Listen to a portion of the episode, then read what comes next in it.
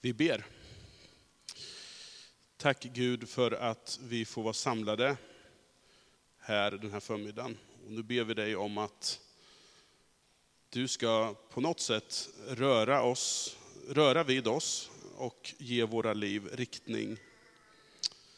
Amen.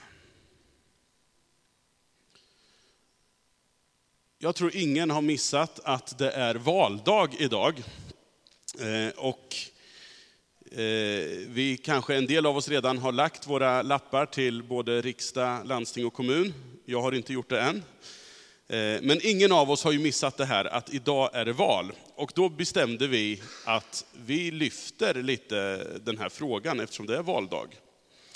Eh, hur hänger kristen tro ihop med det här med partipolitik egentligen? Eh, och om ni nu förväntar er ett svar från mig på vilket parti ni ska rösta på, eller som ni borde ha röstat på om ni nu redan har varit iväg, så kommer ni att bli besvikna. Eh, det ligger inte i min roll som pastor att berätta för er vilken valsedel som är bäst. Eh, det finns en del pastorer som håller på med sådana typer av saker. Jag tror att det är problematiskt att göra så. Jag vill först bara göra ett sådant statement så ni vet om det. Och jag tror också att det är att tillmäta det här med partipolitiken alldeles för stor betydelse. Att, stå och, att liksom försöka få samma riktning i en församling på det sättet. Men däremot så talar vi ju ofta om att hela livet för oss som är kristna har med Gud att göra. Och jag tror att det också innefattar hur vi tar ställning, både till om vi överhuvudtaget ska rösta, och vad vi i så fall röstar på och om och hur vi ska engagera oss politiskt. Jag tror att Gud har med det att göra också. Och det jag lite grann vill röra vid idag, det är hur följer vi Jesus i relation till det här? Hur följer vi Jesus i relation till det här med partipolitik? Och jag, jag vet faktiskt inte, men jag vill skicka med några tankar.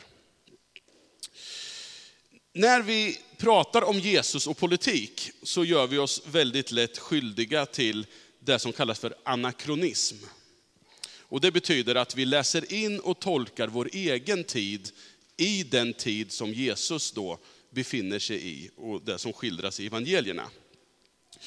Eh, många politiska rörelser av idag har ju både historiskt och även i nutid görs liksom på något sätt, tar Jesus i anspråk för att för att eh, på något sätt göra, ge legitimitet till just sin ideologi och sitt politisk, sin politiska kamp. Till exempel så, så, formulerade SSU en, en sorts formulering inför något val för några år sedan, där det stod, om Jesus haft möjlighet, då hade han ju varit sosse. Eh, vi har, vi har ett, ett parti som kallas för det kristna värdepartiet, där man på något sätt vill slå, liksom, göra anspråk på att vi står för det kristna. Rösta på oss. När Levi Petrus grundade det som nu är KD, det som heter KDS, då, då var det med motiveringen att nu kommer den kristna demokratin här. Här är det kristna alternativet. Men om vi ska försöka lösa, läsa Jesus i sin tid, och de olika politiska viljor och grupperingar som han på något sätt framträder mitt ibland, så ser vi att Jesus är ganska svår att placera. När Jesus träder fram gör han det med en sorts programförklaring, där han sätter ord på varför han har kommit och vad han vill förändra. Och vi ska läsa från Lukas 4, vers 18-19, där Jesus på något sätt sätter tonen för sitt politiska program om man får uttrycka sig så. Han säger så här. Herrens ande är över mig, ty han har smort mig till att frambära ett glädjebud till de fattiga. Han har sänt mig att förkunna befrielse för de fångna och syn för de blinda, att ge de förtryckta frihet och förkunna ett nådens år från Herren. I eh, kyrkliga kretsar så finns det en ganska spridd föreställning om att Jesus, han hade ju egentligen ingen, inget budskap som egentligen har någon politisk betydelse. Det har inte med det offentliga att göra, utan han kommer med ett andligt budskap som handlar om vårt inre. Men när Jesus kommer och säger att Guds rike är nära, att han har ett glädjebud, så är det samtida uttryck som användes väldigt politiskt. Det var budskap som, och ord som den romerska makten använde sig i sin propagandaapparat. Och det Jesus säger i detta, det är att nu kommer ett annat rike än Rom. Och en annan typ av glädjebud än det som de romerska budbärarna kom med efter en militär seger. Det är något annat här. Jesus var jude. Han gör sitt inträde i ett land och ett folk som under århundraden har varit under ockupation. Och bland det här folket så längtade man efter frihet, man längtade efter förändring. Men olika grupperingar hade olika svar. Och lite grovt så såg det ut så här. Man skulle kunna säga att det fanns fyra olika politiska partier. Vi hade seloterna. Ska vi se om vi får en liten... Där har du seloterna. Deras analys av problemet med att man var under ockupation och hur man skulle liksom bli politiskt befriade, det var att folket hade blivit för fegt och att man saknade självförtroende. Svaret på, på, på folkets problem, det bestod i att fatta mod, resa sig mot ockupanterna, göra väpnat motstånd.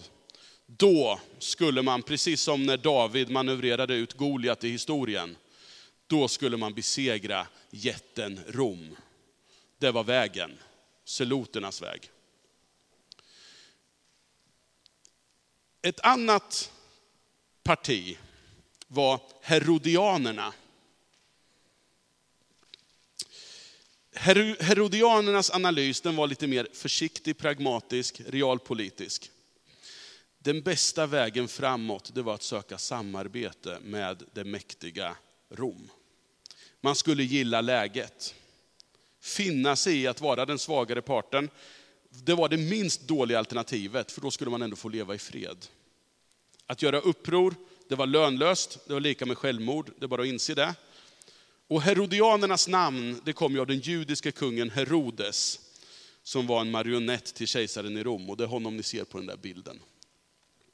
Herodes. Det var Herodianerna. En lite mer liksom försiktigare än seloterna kan man ju säga. Sen fanns det en tredje, en tredje parti som hette Esséerna. Och det där är en äggseparator.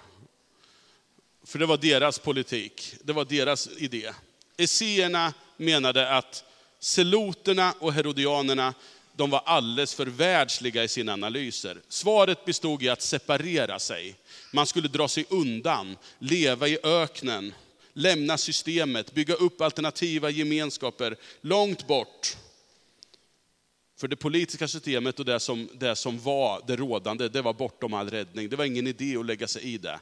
Vi, vi, vi bygger kolonier i öknen och gör ett eget system. Så skulle man också behaga Gud. Och så fanns det ett fjärde, en fjärde riktning. Fariseerna. Och deras analys, det var att Gud skulle rädda folket om man bara blev lite eller ganska mycket bättre på att följa buden i Guds lag. Om vi bara gav, gav säger man gav manken till? Säger man så? Om vi, vad sa du? Sätter manken till, tack. Om vi sätter manken till och lite mer rigoröst försöker förstå hur Gud vill att vi ska leva och lever efter det, då, då, kommer, då kommer saker och ting förändras. Om syndarna blev färre så skulle ockupanternas inflytande avta. Vägen till frihet hette renhet och etisk disciplin. Och så kommer Jesus mitt i detta. Var hör han hemma? I korselden av de här olika rösterna och analyserna, där befinner sig Jesus och börjar tala om det här riket.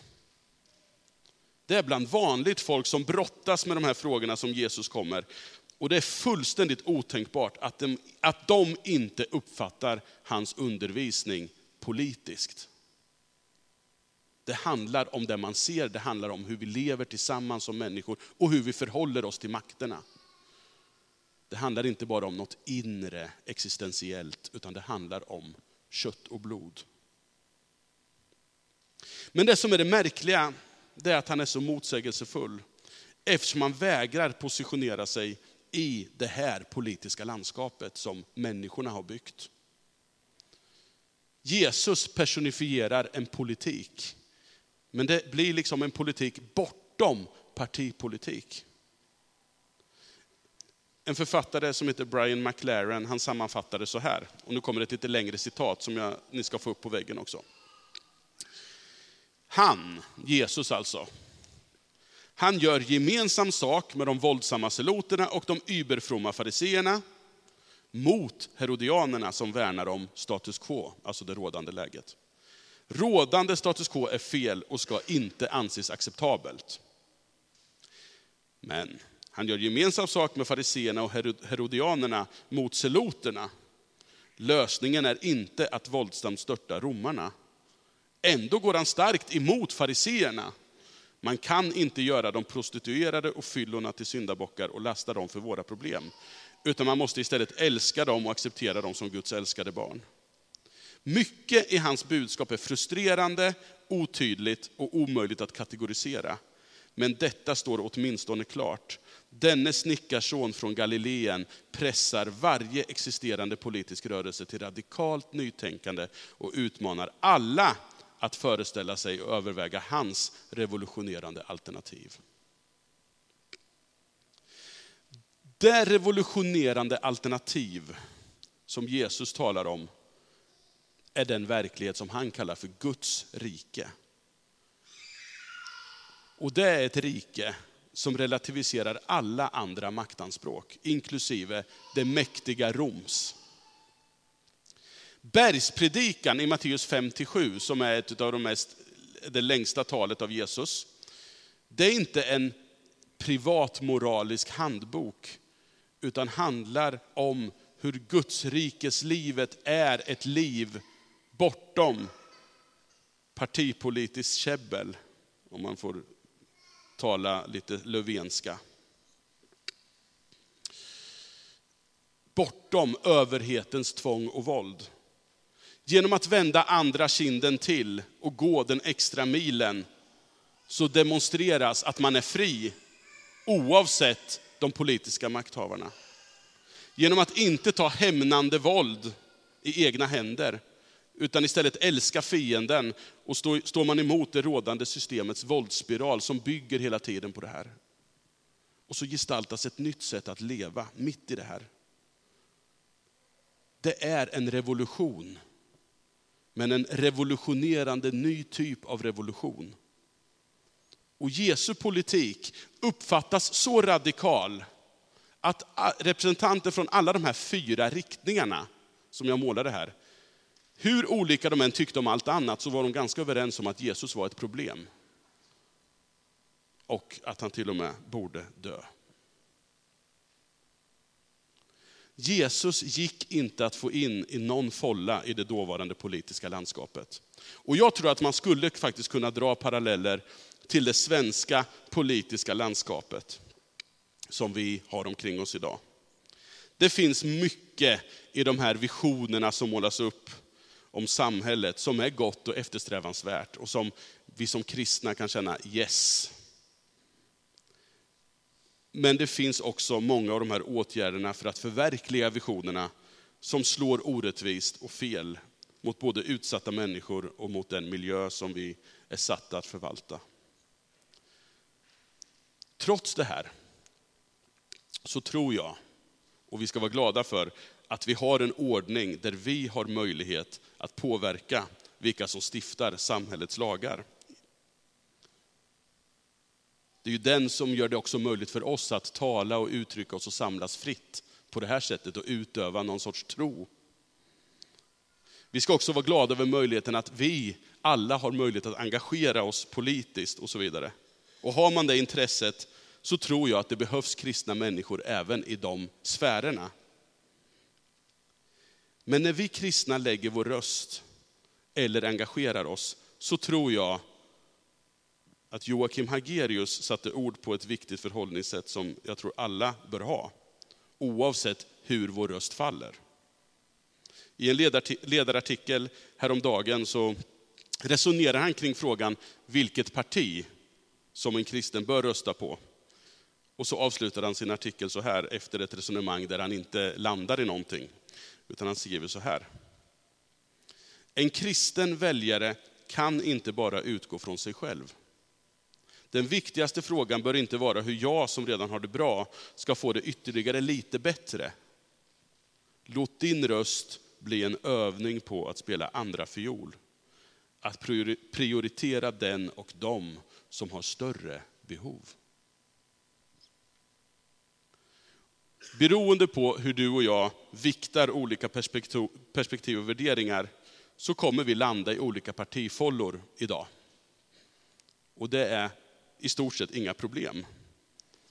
För jag tror inte att Gud i första hand är intresserad av hur du röstar idag. Även om det ska övervägas i relation till din tro. Men framförallt så är Gud intresserad av vilken politik som du och jag lever ut hela tiden. Inte minst vilken politik som vi som gemenskap gestaltar. Vare sig vi lägger vår individuella röst på vänstern, Miljöpartiet, Liberalerna eller Kristdemokraterna. Eller vilket parti vi eventuellt är engagerade i.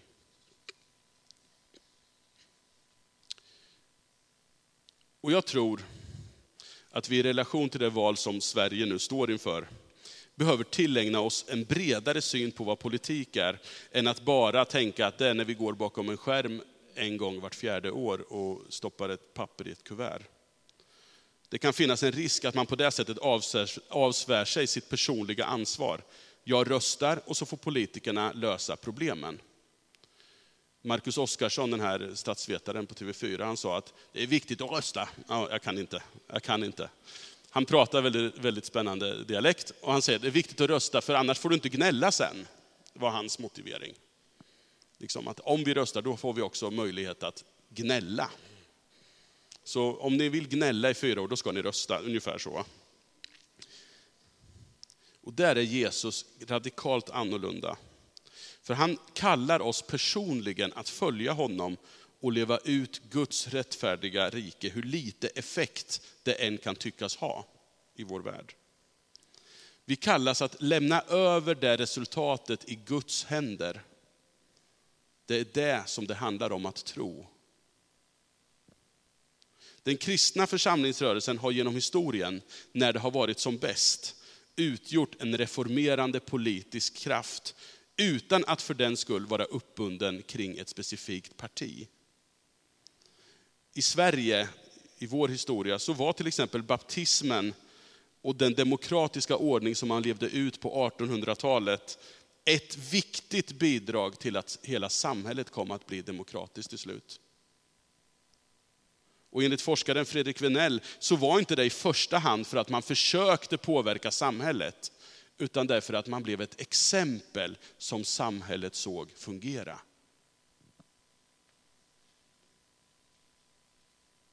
Man sökte Guds väg för sin gemenskap. Man landade i att det här är ett bra sätt att hantera det här med beslut. En röst, en människa, en röst. Och sen så såg samhället det och man såg att det var en god ordning. Och det är också det mönstret vi ser i urkyrkan. Ibland så frustreras vi kanske över att Paulus i sina brev inte går hårdare åt företeelser som slaveri, kvinnoförtryck och annat elände som var det rådande i dåtidens samhälle. Ibland så märker vi att till och med Bibelns texter används för att motivera den typen av företeelser till och med. Men Paulus stora poäng, det är att ett samhälle inte på allvar kan förändras uppifrån genom tvingande makt. Utan enbart underifrån genom att Guds kärlek förändrar hjärtan. Istället för en partipolitisk kraft som försöker vinna makten och tvinga så kallade kristna värderingar på andra, Hur lagstiftar man kärlek uppifrån till exempel? Själva grunden för kristna värderingar är ju kärleken och den kan vi inte lagstifta fram.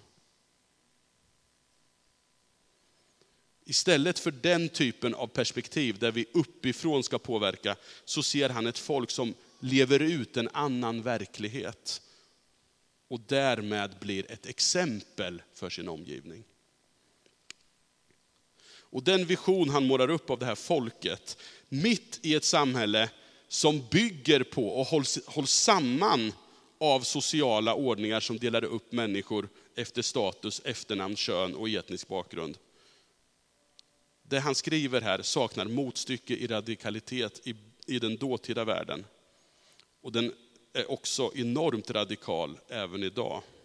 Och någonting som vi fortfarande har att utmanas av i Sverige 2018. Är ni döpta in i Kristus har ni också iklätt er Kristus. Nu är ingen längre jude eller grek, slav eller fri, man eller kvinna. Alla är ni ett i Kristus. Det är visionen som Paulus ser framför sig för det här folket som mitt i världen, som styrs av de här kategoriseringarna, ska leva ut. Och vad händer i relationerna mellan slaven och Herren när man i församlingen måste äta tillsammans? Eller när en slav i församlingen kanske har ett mandat att undervisa den som rent juridiskt är dess ägare. Strukturer som baseras på rasism, nationalism, klasstänkande och könsförtryck kommer successivt att luckras upp. Som församling så är inte den maktsökande partipolitiken primär, utan den exemplifierande politiken. Vi kallas att vara exempel mitt i det politiska käbblet på vad ett glädjebud för de fattiga, fångna, blinda och förtryckta kan vara på riktigt. Det får vi inte glömma. Och Det finns flera områden i relation till dagens politik där vi kan få vara exempel utan att för den skull vara partipolitiska i relation till utsatta grupper. Hur kan vi genom vårt sätt att leva vara exempel i relation till miljö och klimat? Migration, integration, jämställdhet, skola. Hur kan vi kreativt, lokalt och globalt engagera oss och utgöra exempel som på sikt förändrar världen? Vi kan aldrig förvandla världen själva men vi tillhör den som redan har förvandlat världen.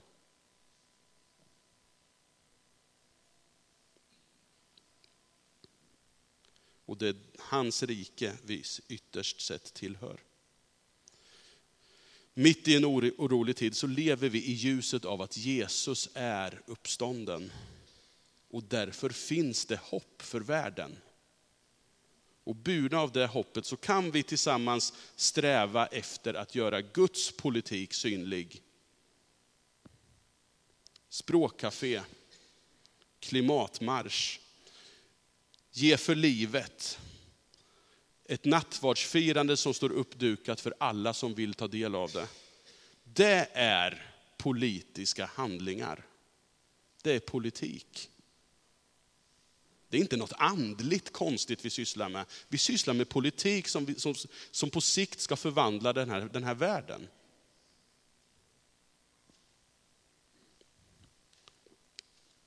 Avslutningsvis. Jag tror att vi ska vara glada som sagt för att vi lever i ett land där vi får använda vår röst. Och det finns mycket goda skäl att rösta, tror jag. Men om vi sätter vår tillit till de mänskliga makthavarna och de politiska systemen, och att de kommer att rädda världen, då kommer vi bli besvikna. Det är till och med mycket sannolikt, tror jag, att Jesus själv förr eller senare, även i den västerländska demokratins namn, hade gjort sig så obekväm så att han hade tystats ner och kanske ställts inför rätta och till och med dömts. Det är inte partipolitiken, hur fantastiskt spännande vi än kan tycka att det är med det idag. Den kommer aldrig att förändra världen. På riktigt. Den amerikanska aktivisten Shane Claiborne, han talar istället om politik som en sorts damage control. Vi ska inte rösta på det alternativ som vi tror kan förvandla världen, för det alternativet finns inte. Utan vi ska rösta på det alternativ som gör minst skada i världen. Gud har i Kristus räddat världen. Det är vårt hopp. En ny ordning, ett nytt rike är tillgängligt. Inom räckhåll. Och den, där rikets politik tar sig uttryck genom den här, genom den här skaran av människor som möts så här och funderar över hur följer vi Jesus tillsammans i den här världen. Och jag tror att det är dags att vi utan att bli partipolitiska tar kallelsen att vara en synlig politik på allvar. En politik som inte bara formulerar en massa lösningar och idéer, utan lever de här lösningarna. Och hur hopplöst ineffektiva och märkliga de än ter sig, så är det de som har framtiden för sig. Burna av hoppet, så behöver vi inte vara drivna av rädsla, som så många är. Utan vi kan leva i tillit till att hoppet har en verklig grund och att framtiden är ljus. Halleluja, konungarnas konung är du och förblir, sjöng vi förut. Tror vi på det? Vi ber. Tack Gud för att du är den som har räddat den här världen i Kristus. Och vi ber om hjälp att se hur det riket ska ta sig uttryck genom oss, med oss och i oss. Vi ber för vårt land idag. Tack för Sverige. Att vi får tillhöra ett samhälle där, där det finns så mycket som är gott och som är efter ditt hjärta. Tack för en möjlighet att få påverka vilka som ska stifta lagar och sånt. Och nu ber vi dig för det här valet som sker idag. Vi ber om att människor som är kloka och visa ska få bli valda. Vi ber om att spänningar ska upphöra och vi ber om, en, om ett gott politiskt klimat som gynnar fred, försoning och rättvisa. Hjälp oss att vara en röst i detta. Inte bara en röst, utan ett liv. Ett liv som, som människor ser och som tar sig uttryck på ett sätt som människor förstår att det här är någonting som fungerar, det här livet vill vi ha. Vi lägger allt i dina händer, vår värld, vårt land, de kommuner som är representerade här. Kommer din fred, kommer ditt rike. I Jesu namn. Amen.